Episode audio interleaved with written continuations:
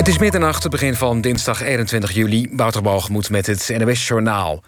Miljoenen Nederlanders moeten rekening houden met een lagere pensioenuitkering volgend jaar. De drie grootste fondsen hebben te weinig geld om aan de eisen van de overheid te voldoen. Ook al zijn die eisen vanwege de coronacrisis versoepeld.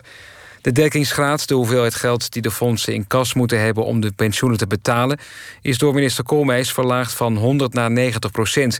Maar dat is mogelijk nog altijd niet haalbaar voor de fondsen voor ambtenaren, zorg- en welzijnsmedewerkers en personeel in de metaal- en technieksector. De EU-top in Brussel is de vijfde dag ingegaan. De regeringsleiders hebben ook vannacht en waarschijnlijk een deel overdag nodig voor hun onderhandelingen over het coronaherstelfonds en de meerjarenbegroting. Volgens een nieuw compromisvoorstel van EU-president Michel krijgt Nederland een hogere korting op de jaarlijkse EU-bijdrage. Ook wil Michel dat het coronaherstelfonds voor een minder groot deel uit subsidies bestaat. De Wereldgezondheidsorganisatie maakt zich zorgen over het snel aantal stijgende besmettingen in Zuid-Afrika. Het zou een voorbode kunnen zijn voor andere Afrikaanse landen, zegt de WHO. Zaterdag meldde Zuid-Afrika ruim 13.000 nieuwe besmettingen in één dag.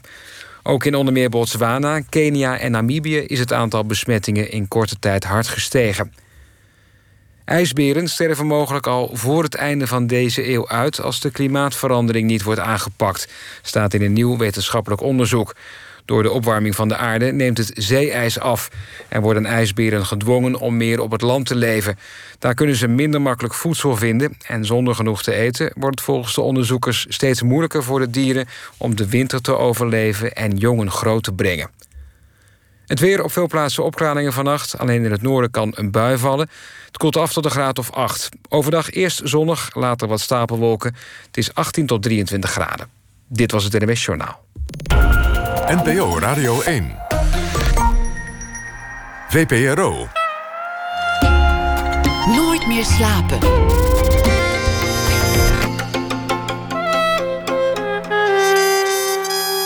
Met Pieter van der Wielen. Goedenacht, u luistert naar Nooit meer slapen. De koningin van het spannende boek De Grand Dame van de thriller Saskia Noord is hier. 3 miljoen boeken heeft ze al verkocht tot nu toe. Laat dat getal even op je inwerken. 3 miljoen. En haar nieuwste werk Bonuskind is dan nog niet eens meegerekend. Saskia Noord weet niet alleen hoe je een boek spannend maakt, ze weet ook altijd de tijd en de door haar gekozen omgeving te vatten. Villa-dorpen vlak buiten Amsterdam of Phoenix-locaties. En in haar nieuwe boek Gescheiden Moeders boven de 50 in het datingcircuit. Op mij kwam het allemaal geloofwaardig over. Naast het schrijven over fictie mengt Noord zich bij Vlagen stevig in het publieke debat. Bijvoorbeeld als het gaat over MeToo. En Saskia Noord werd geboren in 1967. Haar werk is vertaald in 15 talen, werd meerdere keren verfilmd. En Bonuskind is haar achtste thriller. Hartelijk welkom, Saskia. Leuk om hier te zijn, dankjewel. Leuk om jou te mogen ontvangen. Het is me een, eh, een eer dat je, dat je langs wilde komen. Het viel me op in, in je boeken en toen dacht ik eigenlijk, volgens mij is dat in, in al je boeken, dat geen één man er echt heel goed vanaf komt.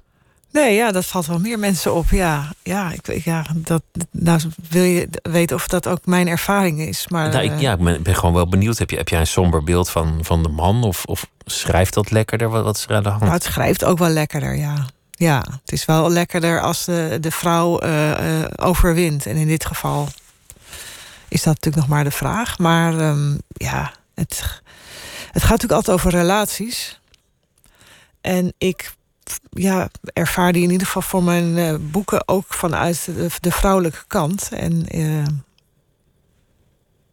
in een thriller gaan relaties natuurlijk niet goed. Anders is het niet spannend. Je kan Nee. natuurlijk niet alles spice en vree laten zijn, want dan, dan wordt het gewoon niet zo'n heel erg spannend. Nee, en als je, het, als je het allemaal heel erg van alle kanten gaat bekijken en begripvol, en eh, dat, dat, eh, dan, dan is het geen thriller. Maar het, het lijkt het type man in een typisch boek van Saskia Noord. Dat is een, eigenlijk een narcistische klootzak. ja, ja. Dat is Ja. in dit boek het geval. Maar ik, ik ging een beetje terugdenken aan alles wat ik van je gelezen heb. En dat is eigenlijk toch wel een terugkerend type. Ja, hoewel in Nieuwe Buren ja, zit er ook één, maar er zit ook alweer een, een, een aardige man. Af en toe sluipt er wel in tussen. Ja, zeker. Ja, vind ik wel. In dit geval hebben we, hebben het over, over één. Ja, dat is, dat is gewoon een, een narcist. Maar de ander is echt het type foute man. Gevaarlijke man. Ja, En de vrouw, hoewel intelligent, nota bene psychologe, ze zou beter moeten weten, verliest zich, levert zich uit en raakt verslaafd aan die spanning, ook al is die spanning helemaal niet gezond. ja, En, en dit, dit vind ik interessant, want als je dan vervolgens googelt, foute man, dan, dan, dan blijkt het hele internet volgeschreven met Ja. advies ja. en een roep om advies. Er zijn een hoop eh, websites waarin vrouwen eh, klagen over foute mannen en, eh, en therapeuten adviezen geven, inderdaad. In alle talen, over de hele wereld. En je hebt ze allemaal gelezen, denk ik. Nou, wel veel, ja. ja veel. Ik heb daar veel boeken over gelezen, ja. Wat fascineert daaraan? Ehm, nou, het is natuurlijk het ambivalente in vrouwen. Ja, de vraag is of het. Of het, het- het- kijk, uiteindelijk gaat het natuurlijk over een bepaald machtsspel tussen man en vrouw. En die, die eh, deze zogenaamd foute man tot in de finesse beheerst. Dus of het ehm, alleen maar aan de vrouw ligt. Wij, wij, wij, willen wij, wij worden gewoon snel gemanipuleerd. Of wij, wij vallen op dat hele erge, ongrijpbare. En dat spel van aantrekken, afstoten. En af en toe opgehemeld worden en dan weer een tik krijgen. Niet letterlijk, maar door een belediging. Of eh, dat iemand te laat komt. Of helemaal niet komt opdagen. Of ghost. Dat is dan vooral natuurlijk in de dating scene. Dat zijn allemaal van die. Ghost is zo'n term. Dat je ineens verdwijnt van de Dat iemand aardbodem, ineens van de aardbodem verdwijnt. afflikkert. En eh, gek genoeg worden wij eh, vooral voor- door dat hele negatieve gedrag ge- getriggerd. Wij willen dat dan overwinnen of ehm, ja, redden, zou je ook kunnen noemen. We willen die man, juist die man die jou niet wil, die willen wij wel. De man die je niet gelukkig maakt, is daarmee toch aantrekkelijk, omdat er iets te winnen valt. Ja, Dat is, dat schaarste is een, ontstaat. een spel. En het, het, ja, kijk, sommigen gaan heel ver en zeggen, van het gaat natuurlijk heel erg over zelfhaat. Dus je, een vrouw die zichzelf haat, haar lichaam of gewoon überhaupt zichzelf, is daar nog gevoeliger voor. Want dan wordt ze door die man eigenlijk bevestigd van je bent ook niks waard. En dat is dat ding waar je de hele tijd tegenaan loopt. Net zo goed als kinderen die ooit geslagen zijn door een ouder. Ook vaak weer een partner tegen het lijf lopen die gaat slaan. Dus het is een soort bekend gevoel wat je dan opzoekt. Ook al is het geen fijn gevoel, het is in ieder geval iets dat je kent, dat vertrouwd ja, is. je weet hoe je daarmee mee om moet gaan en hoe je dat spel mee kan spelen. Ben je zelf wel eens eh, slachtoffer geworden van een foute man? Ja, Of- of van slachtoffer. Ik weet niet wat slachtoffer is.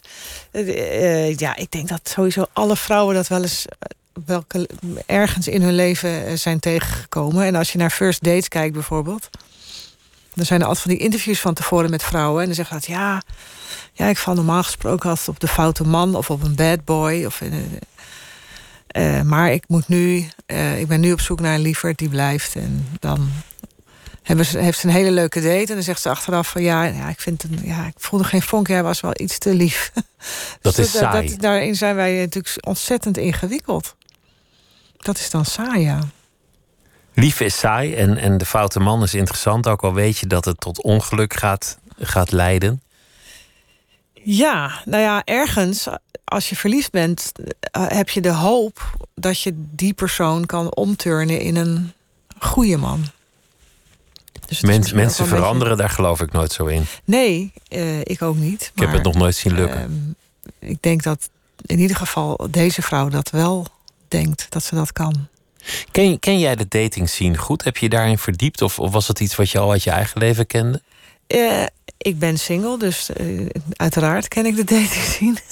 Eh, ik heb ook nog heel veel single vriendinnen. Dus wij, ja, een van onze allergrootste vorm van vermaak is bij elkaar zitten en dan praten over Wat je nou weer hebt of wat we hebben meegemaakt. gezien, meegemaakt, naar elkaars Tinder-profiel kijken of dat soort dingen. Dus ja, ik, ik ken het. Ik, ik ben niet een hele heftige Tinder-dater. Ik, ik zit.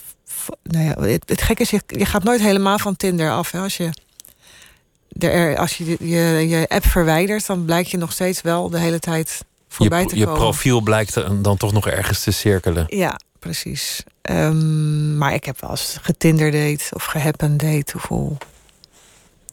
er zijn meer van die sites, maar ja, heb ik wel eens gedaan. Boven een zekere leeftijd wordt het een, een rare markt. Omdat dat allereerst iedereen een foto van tien jaar geleden Ja. erop heeft staan. Ja, of twintig jaar geleden. Oh, nog erger. je, je beschrijft mannen die allemaal met petjes en hoedjes hun kaalheid verhullen. Ja, Alsof een vrouw daar niet doorheen kijkt. ja. Ja, en er zal ongetwijfeld dezelfde variant zijn andersom. Ik, ik, ik ben wel nieuwsgierig naar de, de, de Tinder-lijst van een man, wat daar allemaal voorbij komt. Ik heb wel eens van een vriend gezien dat er allemaal vrouwen met zonnebrillen en een glas witte wijn of met een dolfijn. eh, Een dolfijn? Ja, dat is een soort bekende foto dat je een kus van een dolfijn krijgt in, nou ja, ik weet niet, een In een dolfinarium. dolfinarium, ja. Oh, wat is daar nou aantrekkelijk aan? ja.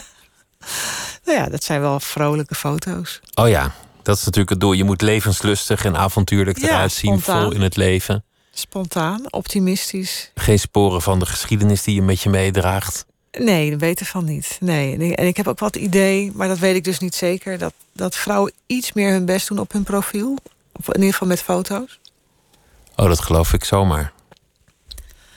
En eh, ja, het is natuurlijk heel erg raar dat je door een eindeloos aantal foto's swipet op zoek naar ja, Maar wat een- eigenlijk? Een, knappe, een foto van iemand die knap is of iets heeft wat jou aanspreekt. Dat, eh, Hoe voelt dat om, dat dan te doen op dit punt in je leven, als je dat, als je dat dus doet? Om, om dan te swipen of op zo'n date te gaan? nou, ik, dat swipen is iets, in ieder geval als ik voor mezelf spreek, eh, wat je uitsluitend op momenten doet waarop je je enorm verveelt. Voor en- acute verveling. dat je denkt, nou ja, of wanneer alle boeken gelezen. alle mensen met maar. hun partner ergens heen zijn en jij denkt, hmm, ik moet er maar weer eens, ik moet gewoon ook weer eens een keer werk van maken. Dan ga je dat doen. Ik moet er werk van maken als in niet opgeven nu. Nou ja, meer dat het, het, het feit dat je er werk van moet maken, dat wordt ook vaak door je omgeving gezegd. Want andere mensen vinden het ook wel fijn als jij iemand hebt. Ehm, en werk van maken tegenwoordig, en zeker sinds corona, is toch wel op een app kijken. Want je kan niet, Je kan niet een leuk café meer in, althans het kan nee, wel, maar niet naar de parade. En, nee. Weet je, flirten in een leuke jurk. In, in dit boek, we, we moeten een beetje oppassen dat we niet dat boek gaan, gaan eh, ja, verknollen voor iedereen Mhm. Ja. door, door, door allerlei dingen te gaan verraden. Maar het is een thriller, dus er gebeuren allemaal spannende dingen. Dat, dat kan ik wel zeggen. Gaat het ook over je eigen angsten? Dat je denkt, nou, dit zou zomaar eens helemaal uit de hand kunnen lopen. Ik ga naar een wildvreemde in een bar die ik niet ken. Ja, God weet wat er kan gebeuren. ja. Eh, mooi dat je zegt, God weet wat er kan gebeuren. Want die persoon heet ook God in het Ja. boek.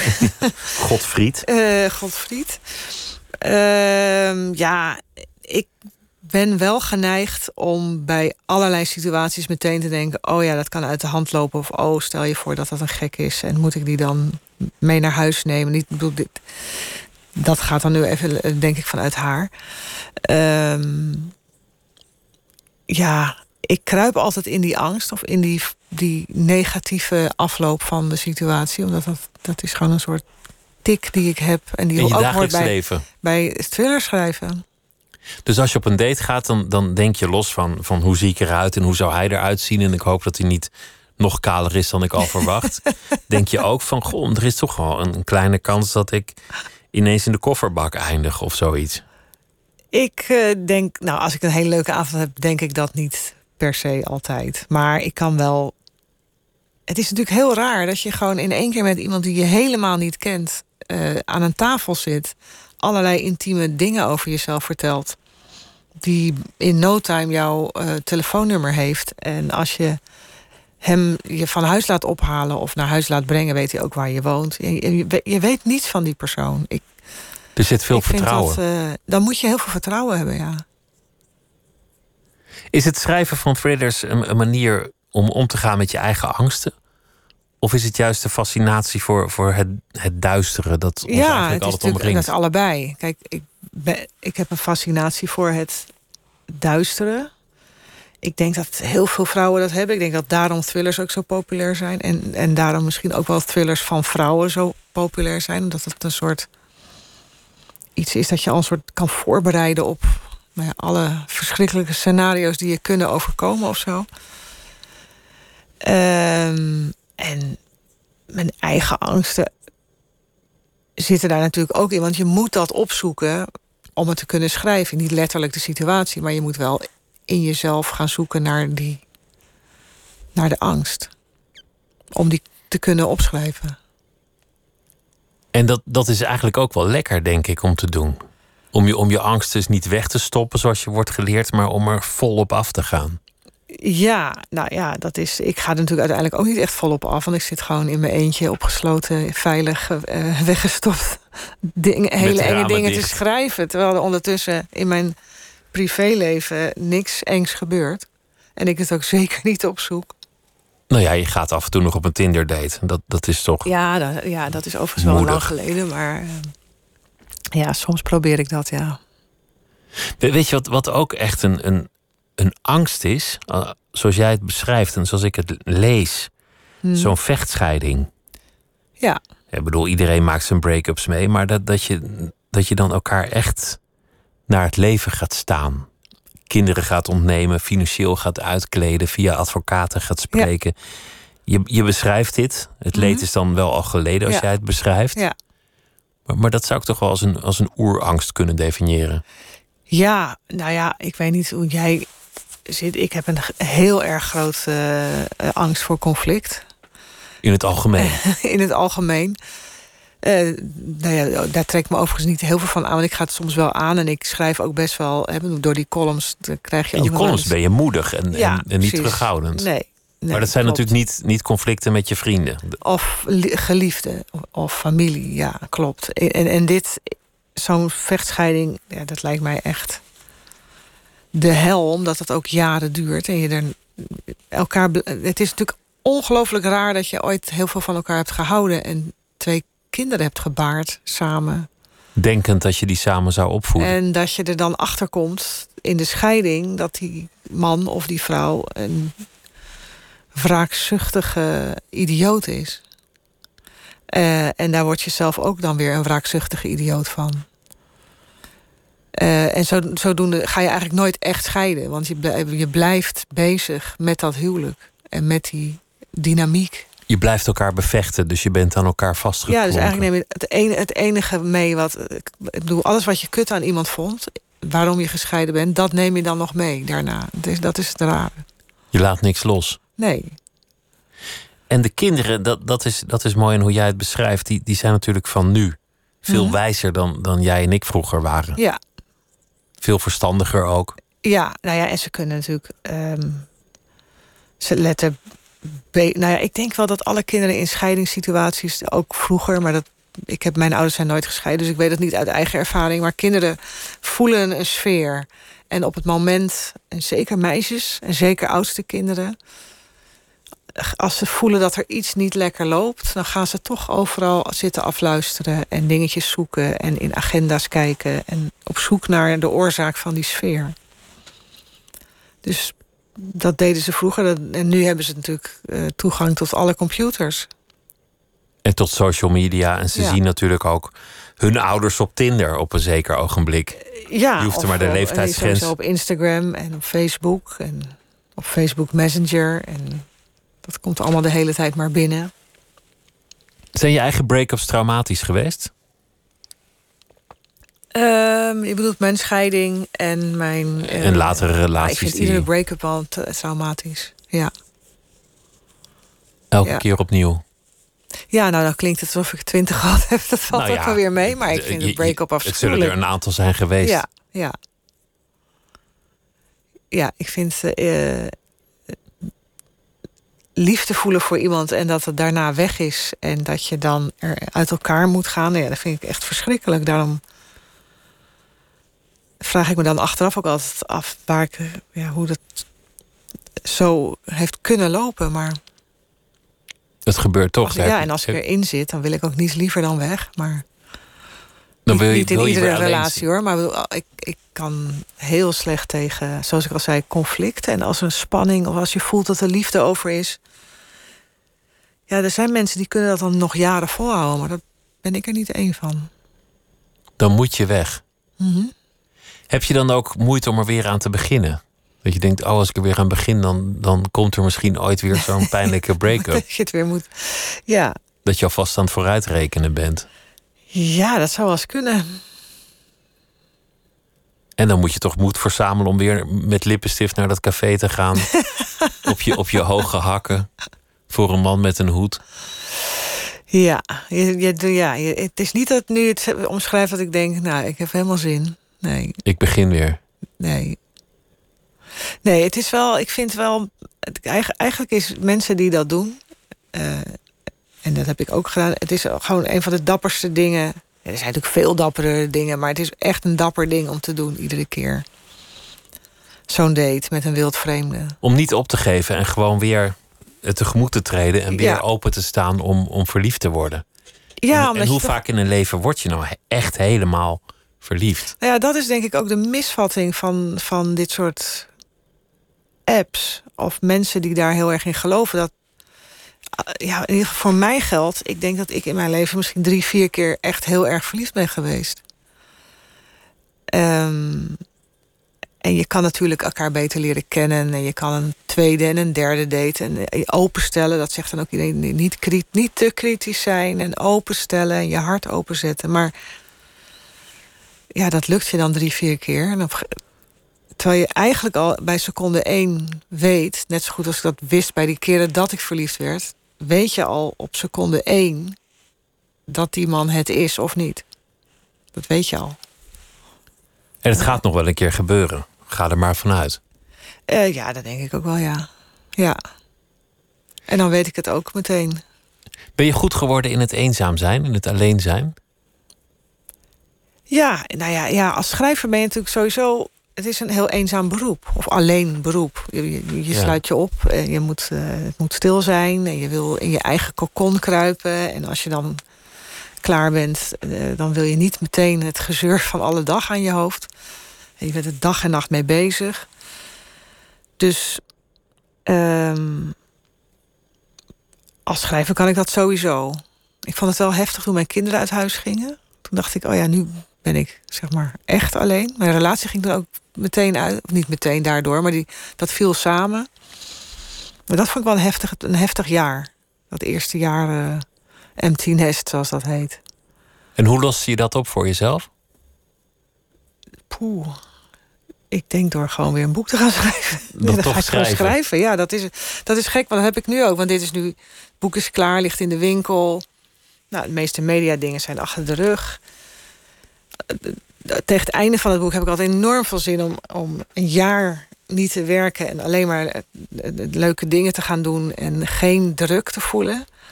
Maar ik ben nu alweer, ik denk ja, ja, ik denk dat ik gewoon maar weer ga schrijven. Ik vind er eigenlijk niet zoveel aan zonder, zonder dat werk. Ik las ergens dat jouw leraar Nederlands vroeger jouw stevaste 10,5 voor je opstellen gaf. En dat, ja, dat vond ik, Strijker. Dat vond ik aan de ene kant meer zoet van, van die leraar. Ja, dat, dat hij echt vertrouwen in je had. Ja. Maar dat geeft ook wel aan dat, dat, dat je toen al iemand was van taal en van fantasie en van woorden. Ja, ja en, en hij vond mij, ja, ja, ja, ik vond het ook het leukste vak. Uh, Nederlands. Ja, en, en, verhalen schrijven. En het liefst hele enge verhalen. Toen al? Dat deed ik toen al, ja. En hij noemde mij altijd La Noord. En dan kreeg ik een tien en een half.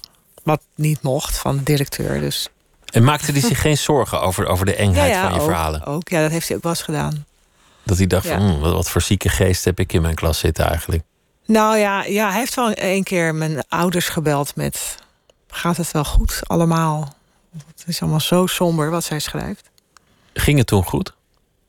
Ja, toen ging het eigenlijk, ja. Toen ging, ja, het ging toen goed, ja. Want, want jou, jij komt uit een, uit een artistieke omgeving. Mm jouw ouders die, die hebben jou opgevoed met heel veel cultuur. Mm wat kun je er verder over vertellen? Ze zijn altijd bij elkaar gebleven, heb, je, heb je ook al gezegd? Ja. ze waren heel jong toen ze mij kregen. Ik was echt zo'n, uh, hoe noemen ze zoiets? Een moedje. Hoe, hoe oud was je moeder? 18. En mijn vader, vader 20. Die zat in dienst. En uh, mijn moeder was uh, uh, niet katholiek, of atheïst zelfs. En mijn vader was katholiek. Nou ja, dus het, dat gaf allerlei enorme problemen. Maar het was ook eind jaren zestig. Dus dat. Moest eigenlijk wel eens kunnen tegen die tijd. Ja, ze, ja, eigenlijk waren ze heel blij dat ze met elkaar. Ze gingen trouwen, kregen een baby. Maar ze kregen ook meteen heel veel vrijheid. Want dat had, ik, had je niet als je nog thuis woonde. En die vrijheid wilden ze ook vieren. Uh, terwijl ze ook een kind hadden. Mijn vader werd fotograaf. En daarna werd hij, ging hij allemaal fashion doen. En uh, hij heeft heel veel foto's gemaakt van die Fong Leng modeshows en dat soort. Uh, ja, in één keer zat hij helemaal in die lift. Dus echt een artistiek milieu was het? Ja, het was wel, ja, zeker. Met veel kunstenaars over de vloer. Ze hadden op een gegeven moment ook een kunstgallery. Dus het was wel altijd. Uh, ik werd wel echt streng opgevoed hoor. Het was niet, ik werd, was niet hippie dat ik naar de vrije school ging of zo, maar er was wel veel vrijheid. En we hadden altijd visite. En er werd altijd. Uh, ik, ik, herinner me echt kamers met van die laaghangende rook. Want toen was het allemaal nog normaal om gewoon de hele dag binnen te roken. Een huis vol en, en dan ja. allemaal bijzondere en getalenteerde mensen. Jij werd zelf moeder toen je 24 was? Ja, 25. 25. Ja. Dus dan was jouw moeder oma of ter 43ste. Ja. ja. Dat is best wel jong om al, al ja, grootmoeder te zijn. Ja, daar heb ik toen ook niet echt uh, heel erg bij stilgestaan hoor. Maar uh, achteraf gezien is dat natuurlijk hartstikke leuk. Het is heel leuk dat mijn moeder nog steeds een hele jonge oma is. En wie weet zelfs nog achter, hoe noem je dat, de overgrote oma wordt. Grote oma. Um, ik ben heel blij dat ik jong kinderen gekregen heb. Je hebt, je hebt op een gegeven moment geschreven over uh, een ervaring toen je 14 was. Dat mm -hmm. was in de tijd van Me Too. Ja. Dat, je, dat jij werd uh, verkracht ja. in, in een tuin. Ja. Op een feestje door een, een jongen die wat ouder was dan jij. Ja. Um, een, een heel kwetsbare leeftijd als je 14 bent. Mm -hmm. net, net begint dat verlangen of die nieuwsgierigheid. En dan wordt het eigenlijk zo op die manier van je afgenomen. Ja. Hoe, hoeveel invloed heeft dat gehad op, op de rest van jouw leven? Uh, ja, ik denk meer dan ik toen dacht. Ik heb toen gedacht, ik doe of het niet is gebeurd. Uh, dat leek me de beste oplossing. En dat kon ik ook best wel lang redelijk volhouden. Maar het was wel iets wat altijd terugkwam.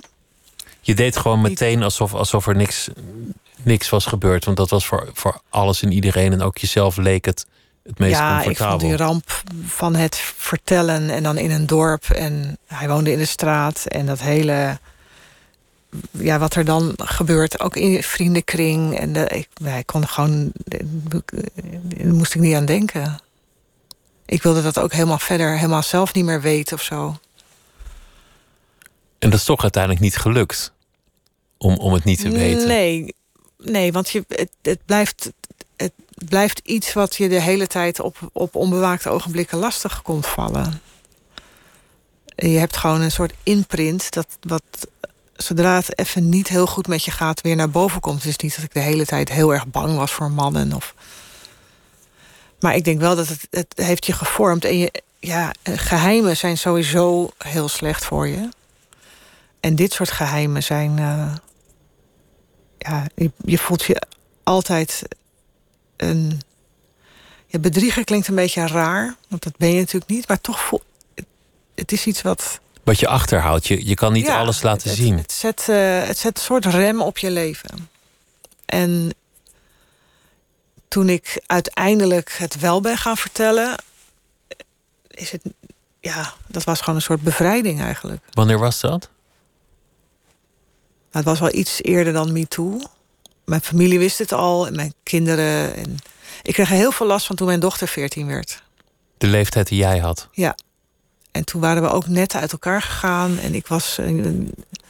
Kinderen wonen voor een groot deel bij mij. En zij was een hele wilde puber.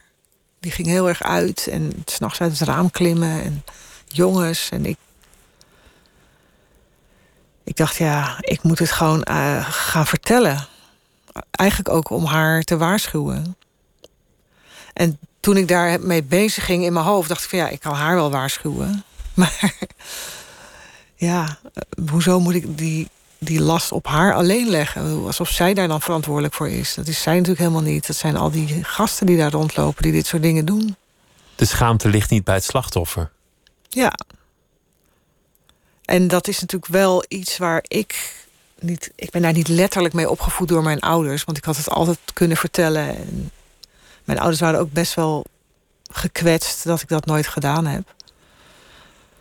Maar wij zijn, denk ik, wij, eh, door de maatschappij is mijn generatie in ieder geval wel opgevoed met het idee dat het vooral aan jou ligt als zoiets gebeurt. Je zal het er wel naar gemaakt hebben, was de redenering. Ja. Een tekort rokje of wat deed je daar eigenlijk Nou ja, met die je jongen? moet er sowieso niet zijn. Nou ja, al die dingen die je zegt, korte rok, eh, drinken mag niet, eh, al die dingen mogen allemaal niet. Heeft het je bevrijd om het op te schrijven in een krant? Dat, dat, dat iedereen het kon lezen en dat het, dat het geheim echt verdwenen was?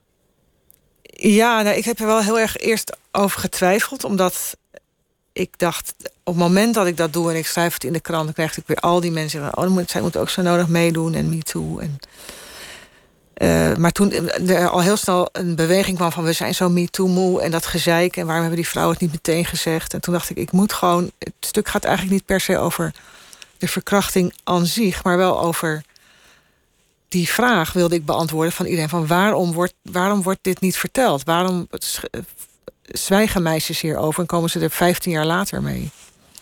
Dat wilde ik uitleggen. Dat kwam ook vaak langs in die tijd. Mensen die, die met hun verhaal kwamen, die werden meteen soort van in twijfel getrokken. Ja. Van ja, waarom heb je dat dan toen niet gezegd? Komt Ja. ze nu mee? Ja, Dat werd, werd bijna een gewicht in de rechtszaal. Als het al tot een ja, nou rechtszaak ja, ja, kwam. dat kan ook niet. Dat kan niet meer tot een rechtszaak komen zo, als je het zo laat vertelt.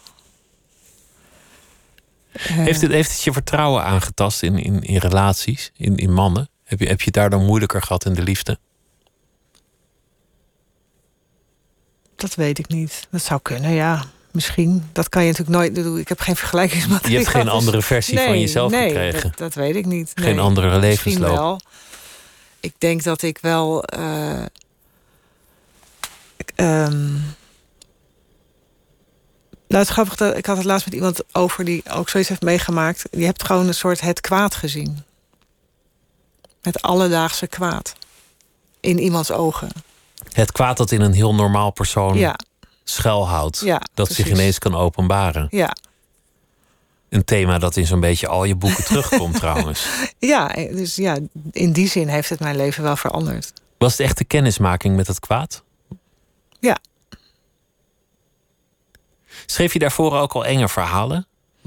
Ja, ja. Dat wel. Ja, ja, want met Strijker was ik nog. Dat was precies. Dat, ja, dat was die zomer daarvoor. Dus ja. Dus die fascinatie voor het kwaad was er, was er wel Ja, maar wel op een het- andere manier. Ik had toen nog helemaal niet zoveel met. met ik, ja, ik was heel erg verliefd op een jongen, maar die.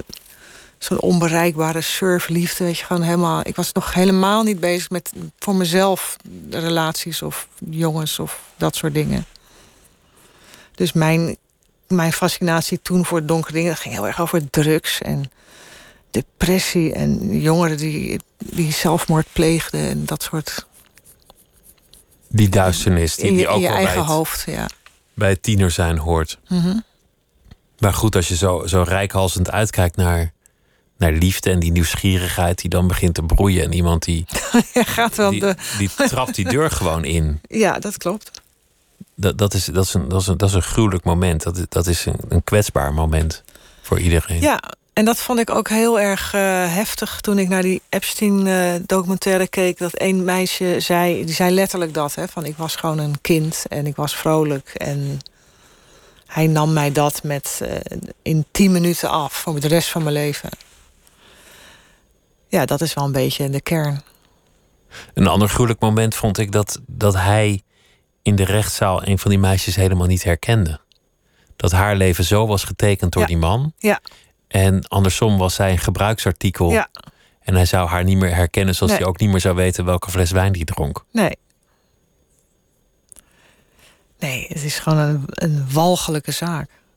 Waar zoveel mensen aan meegewerkt hebben. Eh, en eh, alle, ik weet niet, hij is natuurlijk eh, ook zonder MeToo was hij denk ik wel boven komen drijven als een enorme crimineel en klootzak. Hij heeft het lang volgehouden. Maar ehm, we hebben natuurlijk ongelooflijk veel te danken aan de MeToo-beweging... dat dit soort dingen nu sneller aan het licht komen... en dat iedereen nu op zijn hoede is op dat vlak. Zou je jezelf als, als feminist definiëren? Zeker, ja. En, en jouw boeken, want, want jouw boeken die, die worden vooral gelezen als entertainment. Mhm. Ik denk niet dat mensen op zoek zijn naar een, een boodschap of naar politiek, maar Nee. meer naar Nee. vermaak en amusement. Ja, Toch de zit, meeste, het er, zit het er wel ja. in. Ja, Het, het gaat over vrouwen die overwinnen. ja, Althans, meestal. ja. Ja, niet allemaal, maar meestal overwinnende... sowieso overwint er altijd wel een vrouw in mijn boeken. Ja. Anders dan in de echte wereld. Nou ja, langzaam. maar Dat wordt gewoon nu. eh, het gaat nu, toe- nu de goede kant op. Kijk, eh, fysiek. Als je het hebt over fysiek geweld, ja, daar, daar hebben we nog wel eh, wat stappen te maken. Hè. De, de doodsoorzaak, niet doodsoorzaak nummer één, maar de, de gewelddadige doodsoorzaak nummer één bij vrouwen is toch wel eh femicide. Dus de partner die je doodslaat of knuppelt of steekt. Seksueel gerelateerd geweld Ja. van mannen. Ja, en dat is natuurlijk het enige waar wij niet. bedoel, we zijn gewoon fysiek minder sterk. Dus dat. eh, en dat, die stappen gaan we nooit maken. Maar op andere vlakken is, is het tij wel aan het keren. Ten goede. Ja, ik denk het wel. En ik denk ook wel dat dat weer allerlei tegenbeweging triggert. Want het is natuurlijk, eh, er zijn natuurlijk ook nu heel veel eh, boze mannen die dat niet leuk vinden. Maar die, ja, dat is iets wat eh, van voorbijgaande aard is, denk ik. Ik denk dat. Ik geloof er wel in dat we over, een, eh, misschien niet over vijf jaar, maar zeker wel over twintig jaar, dat er veel meer gelijkheid is. Je noemde jezelf conflictvermijdend, maar toen zei je er meteen achteraan: ja, maar in het publieke leven ben ik dat niet. In mijn column dan durf ik eigenlijk alles te schrijven en ga ik alle strijd aan en dan, dan, Nou, dan ben ik alles, hoor. strijdvaardig. Niet alles, maar wel veel. Dan, en, en het is prijzenswaardig hoor, dat je, dat je dat doet. Maar soms, soms krijg je niet malse reacties, omdat vrouwen in het publieke domein altijd Ja. harder worden aangepakt dan Ja. mannen. Ja. Dat is zonder meer waar. Ja. Dat vond ik in het begin ook heel erg. eh, de- de- ik wist, was erop voorbereid, maar ik was ook wel meteen in shock. Van, ik dacht, ik was voorbereid op heel erg en het wa- was nog veel, veel erger. En toen dacht je, doorgaan. Nou, ik heb echt ook. Ik, na mijn derde column zo dacht ik, ga van Twitter af. En, en toen heb ik ook wel bedacht, eh, ja, waar doe ik dit eigenlijk? Waar slaat dit eigenlijk op? Maar ja, toen dacht ik ook, ik ga natuurlijk niet mijn, me laten, de mond laten snoeren door een paar idioten op Twitter die met een anoniem account de meest afschuwelijke dingen schrijven. Dat, dat kan gewoon niet. Ik moet er gewoon vol in, met gestrekt been. Weg met die mensen. Je niet laten wegjagen. Nee. Zullen we een liedje draaien dat jij hebt meegenomen... Dat, dat eigenlijk op allerlei dingen van toepassing is in dit gesprek tot nu toe? Ja. Of het nou gaat op toch weer op date gaan... of eh, toch weer die column schrijven. Heroes van, van David Bowie. Ja. Wat, wat betekent dat liedje voor jou? Ehm, ik, eh, het was mijn- een van mijn allereerste LP's. En het eerste keer dat ik dit nummer hoorde, zoals velen van mijn generatie, was bij de film eh, Christiane F. Oh ja, we gaan luisteren. Eh, sprekende over, speaking of, ik moet dat niet in Engel, Engelse dingen. Maar goed, eh, over duisterheid. Die film was wel echt, eh, die maakte heel veel indruk op mij. Drugs, dakloosheid, Ja, kinderen, ja, heel eng. Bowie.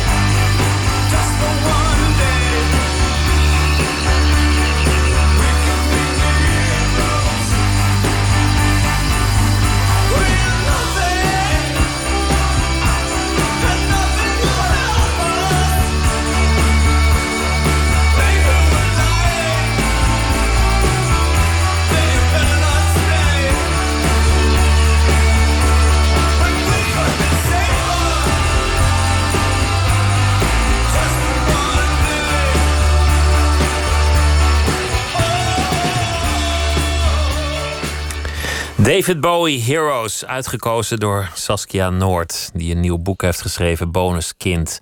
En we hadden het uh, in dit gesprek over uh, een aantal thema's uit dat boek. Ik merkte op dat in haar boeken vaak de mannen fout zijn. Dat het, dat het niet de meest sympathieke wezens op aarde zijn. En toen antwoordde ze: Ja, als ik hele sympathieke mannen zou beschrijven. Er is er wel eens eentje ingeslopen, dan zou ik saaie boeken maken. Je moet nou eenmaal uh, mannen schrijven, beschrijven die gevaar met zich meebrengen. We hadden het over de foute man en waarom dat aantrekkelijk is. En toen kwamen we te spreken over Tinder daten. En hoe dat is wanneer je wat ouder wordt. Of je dan nog steeds met goede moed dat tegemoet treedt. En toen uh, kwam er eigenlijk uit naar voren dat je die moed soms een beetje moet verzamelen. Ja. Omdat iedereen toch in praktijk 20 jaar ouder is dan op de profielfoto. En dat dat petje of die hoed daar niet voor niks zit. Nee. En vrouwen laten zich kussen door dolfijnen, leerde ik ook. En toen kwamen we te spreken over uh, de duisternis, het gevaar. Mhm. Mm -hmm. De angst die je toch even hebt van ik ga met een vreemde man in een taxi, zal het wel goed gaan. Dat is een bron voor boeken. Dat je dat gevaar kan opzoeken, dat je die angst eventjes vol kan laten gelden. En dat die duisternis ook wel een soort aantrekking heeft, bleek een thema in dit Mhm. mm -hmm. gesprek. En we kwamen te spreken over je verkrachting toen je 14 was. Mhm. Mm -hmm. Het geheim dat je lang met je meedroeg. Je kennismaking met het geheim van de ander, met het kwaad. Ja. In zijn zuivere vorm, dat zich ineens in iemand die je kent kan bevinden. Een fascinatie die ook in je werk naar voren komt. Al was het geen prettige kennismaking. En het was bevrijdend om dat een keer te benoemen. Dat geheim. Om het Ja. niet, niet met je mee te dragen. En de reden was dat je een dochter had die dezelfde leeftijd bereikte. Mhm. En toen werd het ineens een concrete angst. En we hebben het zo gehad over feminisme. Dat je als vrouw toch altijd nog steeds in een moeilijker positie bent. als je opgroeit dan een man. Omdat mannen gewoon op minder dingen hoeven te letten. En ook in het publieke debat worden vrouwen harder aangepakt. Maar hoewel je jezelf conflictvermijdend noemde, zei je toch van ja, ik moet gewoon moedig zijn, ik laat me toch niet wegjagen. En uh, daar zitten we dan. En tijdens dit nummer zei je ook weer, ja, het, het duister, het kwaad is ook gewoon wel iets moois. Iets aantrekkelijks. Aantrekkelijk, ja. Maar ja, dat is, zit natuurlijk ook in die film uh, Christiane F. De, die kinderen zijn aan de heroïne en zwerven over straat s'nachts. En dan gaan ze naar het Bowie-concert. Maar ze zien er wel, ik vond dat toen ook wel heel cool uitzien. Zo semi-punk en Berlijn. En ja, dat, dat vond ik ook aantrekkelijk. Ik had het lef er niet voor, gelukkig. Uh, dat rafelige. Maar dat rafelige, dat, dat was ook wel, uh, ja... Sowieso die hele punk scene van toen, dat vond ik fantastisch. Ja, fantastisch en ook weer niet. Je, je, had, dan, je had dan jongens, voor mijn tijd hoor, maar die, die, dan, die dan pleisters met pindakaas op hun wangen plakten, zodat ze goordere puisten kregen.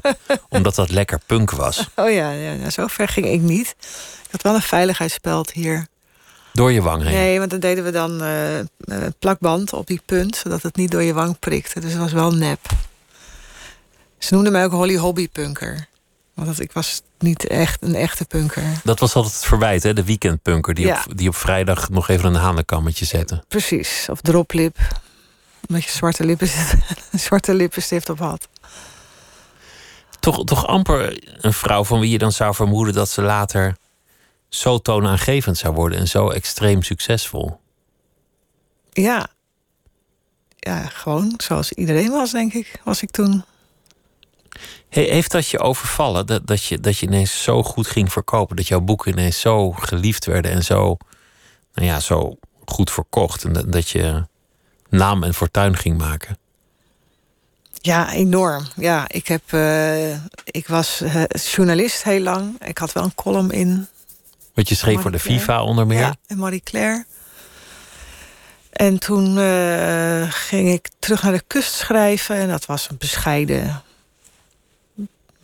bescheiden succes. Uh, en, een, en, een, jaar later kwam de eetclub uit en dat was een soort boom. Een soort, nou, daar hadden, hadden we ook allemaal, ook de uitgever niet uh, op gerekend dat dat zo enorme hit zou worden. Dan is er dat moment dat het een tweede druk wordt en iedereen blij is. En voor je het weet is het de zesde druk en dan de veertiende. En dan worden die drukken ook groter. Ja. En, dan, ja. en het, het hield eigenlijk gewoon niet op. Nee, dat hield echt niet op. Nee. Nee, het, het brak ook records een... die, die nooit eerder gebroken waren. Ja. Ja, dus dat, dat, en dan in één keer ben je van de een op de andere dag ben je ineens een, een, een bekende schrijver. ja, dat is ook gek. Hoe heb je dat ervaren? Hoe was dat? Ja, ik, ik, kijk, toen het net begon en dat succes begon, eh, had ik heel erg, ook natuurlijk onder aanvoering van mijn uitgever, maar ook wel onder aanvoering van zo ongeveer iedereen. Van ja, nu moet je echt wel alles pakken wat je pakken kan. Want nu is het. Het succes is nu daar. Als je het nu niet eh, lezingen en al die dingen gaat doen. Want die Dan, dachten dat eh, gaat wel weer over. Nou dus ja, je dat moet weet je niet. Je weet, weet ook nooit of je nog weer een boek gaat schrijven. Of dat weer een succes. Dat, dat, dat wist niemand. Maar hier gingen we wel echt alles uitslepen wat er uitslepen viel. Dus ik ging heel hard werken. En lezingen geven. En eh, in talkshows en interviews. En duizend keer vertellen dat het niet echt gebeurd was. En niet over echte mensen ging. Eh, tot ik eh, ook heel erg moe werd daarvan. Ik ben ook een tijdje ziek geweest. Ik kreeg een maagsfeer. Had dat ermee te maken? Ik denk het wel, want ik was gewoon... Ik was echt, echt heel erg eh, blij, maar ook in een soort shock. En tegelijkertijd ben ik niet iemand die heel graag op een podium staat lezingen te geven. Dus ik was er zo zenuwachtig voor dat dat ook. eh, ik, slecht slapen na al die dingen. Ik moest het echt leren allemaal. En dat, dat ging in één keer in een soort snelkookpan. Werd ik iemand die iedereen kende of wilde kennen? Of... Dat vond ik in het begin best gek. En in, ja, ik had toen ook nog niet, ik kon er toen niet ten volle van genieten. Dat is wel later gekomen. Dat je echt beseft van wow, dit is echt zo vet. Dit is leuk, dit is Ja, gaaf. ja. Die mensen houden van mijn boeken. Ja, dat je er ook echt plezier in gaat krijgen. Toen op een gegeven moment zijn we night, we, eh Kluun begon Night Writers en daar ben ik dan ook aan mee gaan doen. En toen vond ik het echt heel leuk worden. Dan ben je met andere schrijvers en dan doe je een beetje wat meer eh soort rock and roll lezing met bandjes erbij en iets losser allemaal. En eh, ik, had, ik vond het heel fijn dat ik collega's had, collega-schrijvers had die ook een beetje op de schopstoel van de literatuur zaten. Eh, en, ja, Dat was toen zo, hè? Dat, ja, dat, dat, dat dat, er een, een, mensen waren die dat eigenlijk niet verwelkomden. Die dachten Ja. van ja, de- we moeten dat bastion van de literatuur te vuur en te zwaard verdedigen. Ja, Van dit soort broodschrijvers. precies. Nou ja, goed. Wat zij willen. Wa- Was, was die doorbraak voor of na je echtscheiding? Voor de eetclub. Na de eetclub kwam Nieuwe Buren. Ja, voor scha- Ja. Had dat ermee te maken? Eh, poeh, nou, ik denk het. Dat heb ik natuurlijk heel vaak afgevraagd. En het is me ook heel vaak gevraagd. Ik denk het uiteindelijk niet. Het heeft natuurlijk wel heel veel druk op dingen gezet. En het heeft mij in een, in een, in een heel snel tempo eh, veranderd. En ik ben misschien ook een tijdje niet zo'n heel leuk mens geweest daardoor. Omdat ik even helemaal in de glamour ging. Dat, dat je helemaal high was van het Maar succes. ach, ik, ik, denk het, ik denk niet dat eh, ik wil een goed huwelijk. Een huwelijk dat op dat moment goed is, kan dit soort dingen aan. Maar als er al een haarscheurtje zit, dan zal het op zo'n moment misschien een enorme Ja, gapende kloof worden. ja. En hoe, hoe leef je nu? Want, want je zou nooit meer een boek hoeven schrijven, behalve omdat je het leuk vindt. Maar Mhm. voor het geld hoef je het allemaal niet meer te doen, denk ik. Nou, het is niet zo. Mensen denken dat ik een soort mega multimiljonair ben. Dat valt ook wel mee. Valt tegen, moet je Ja, zeggen. nou, niet tegen, maar ik, eh, maar ik schrijf niet, inderdaad niet om eh, rond te komen of zo. Ik vind, ik vind het gewoon het fijnste om te doen. En ik, het is altijd mijn. Hè, andere mensen, dat was in die coronatijd ook dat allerlei mensen gingen allerlei hobby's of nieuwe dingen of in de tuin werken of hun kast opruimen. En ik, ja, ken maar één ding en dat is dat ik ga schrijven. Dat is jouw natuurlijke reactie op alles Ja, eigenlijk. en niet per se dat het allemaal een boek wordt of dat het allemaal voor de publi- publicatie is. Maar ik vind dat het allerleukste om te doen. Je, je, ik zei aan het begin thriller schrijven, maar dat, dan doe ik je eigenlijk tekort, want je schrijft ook andere dingen. Je, je begon ook met andere dingen. Ja. Eh, je schreef twee jaar terug een boek Stromboli. Dat was helemaal geen thriller. Dat Nee. was, was een roman over Ja. het eh, vulkaaneiland. Ja. Ging over een vrouw die ook een vergelijking, Ja. vergelijkende Ja. ervaring had als jij Ja. over dat seksueel geweld. En die dan in een soort coaching setting komt, Ja. wederom een narcistische man treft. Nou, de meeste. Oh nee, dat mag ik weer niet zeggen, maar.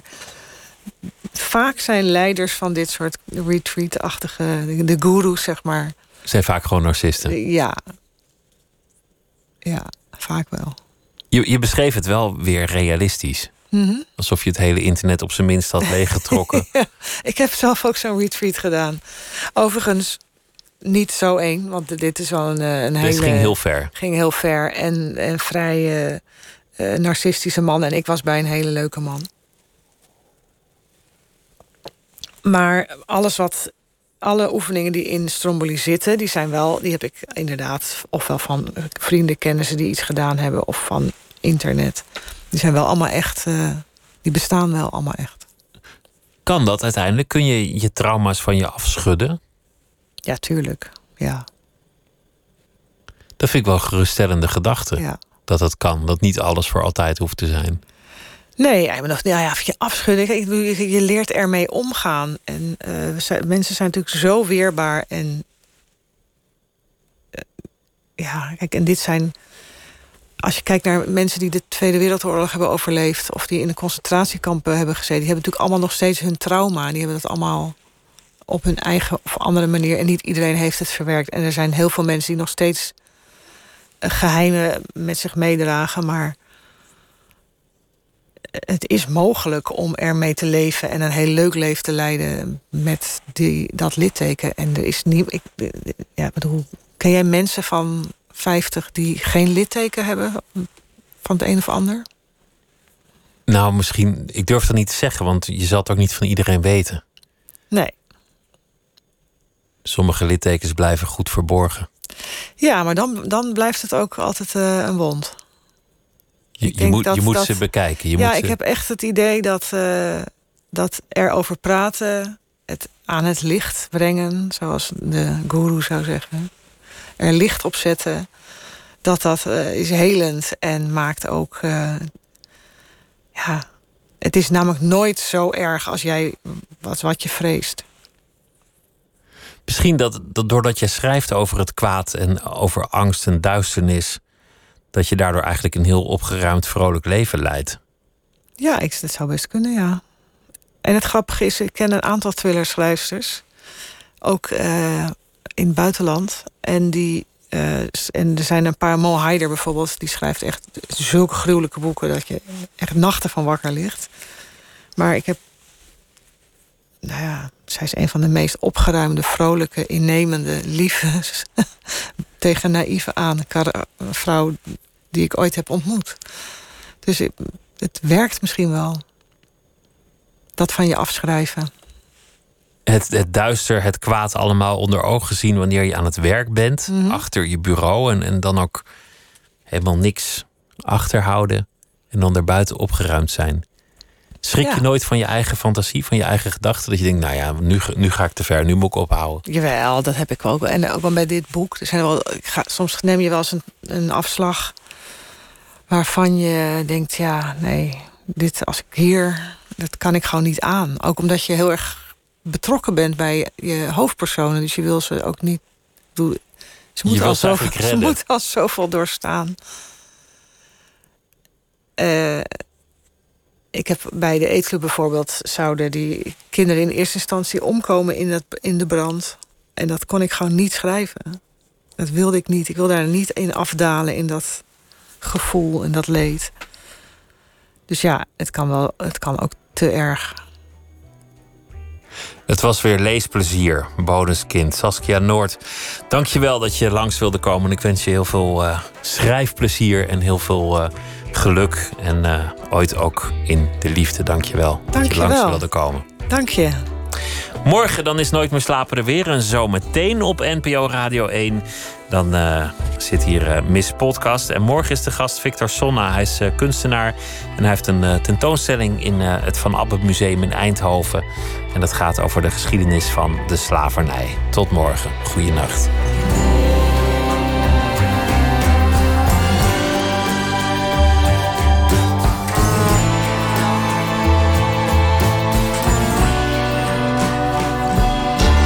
Op Radio 1. Het nieuws van alle kanten.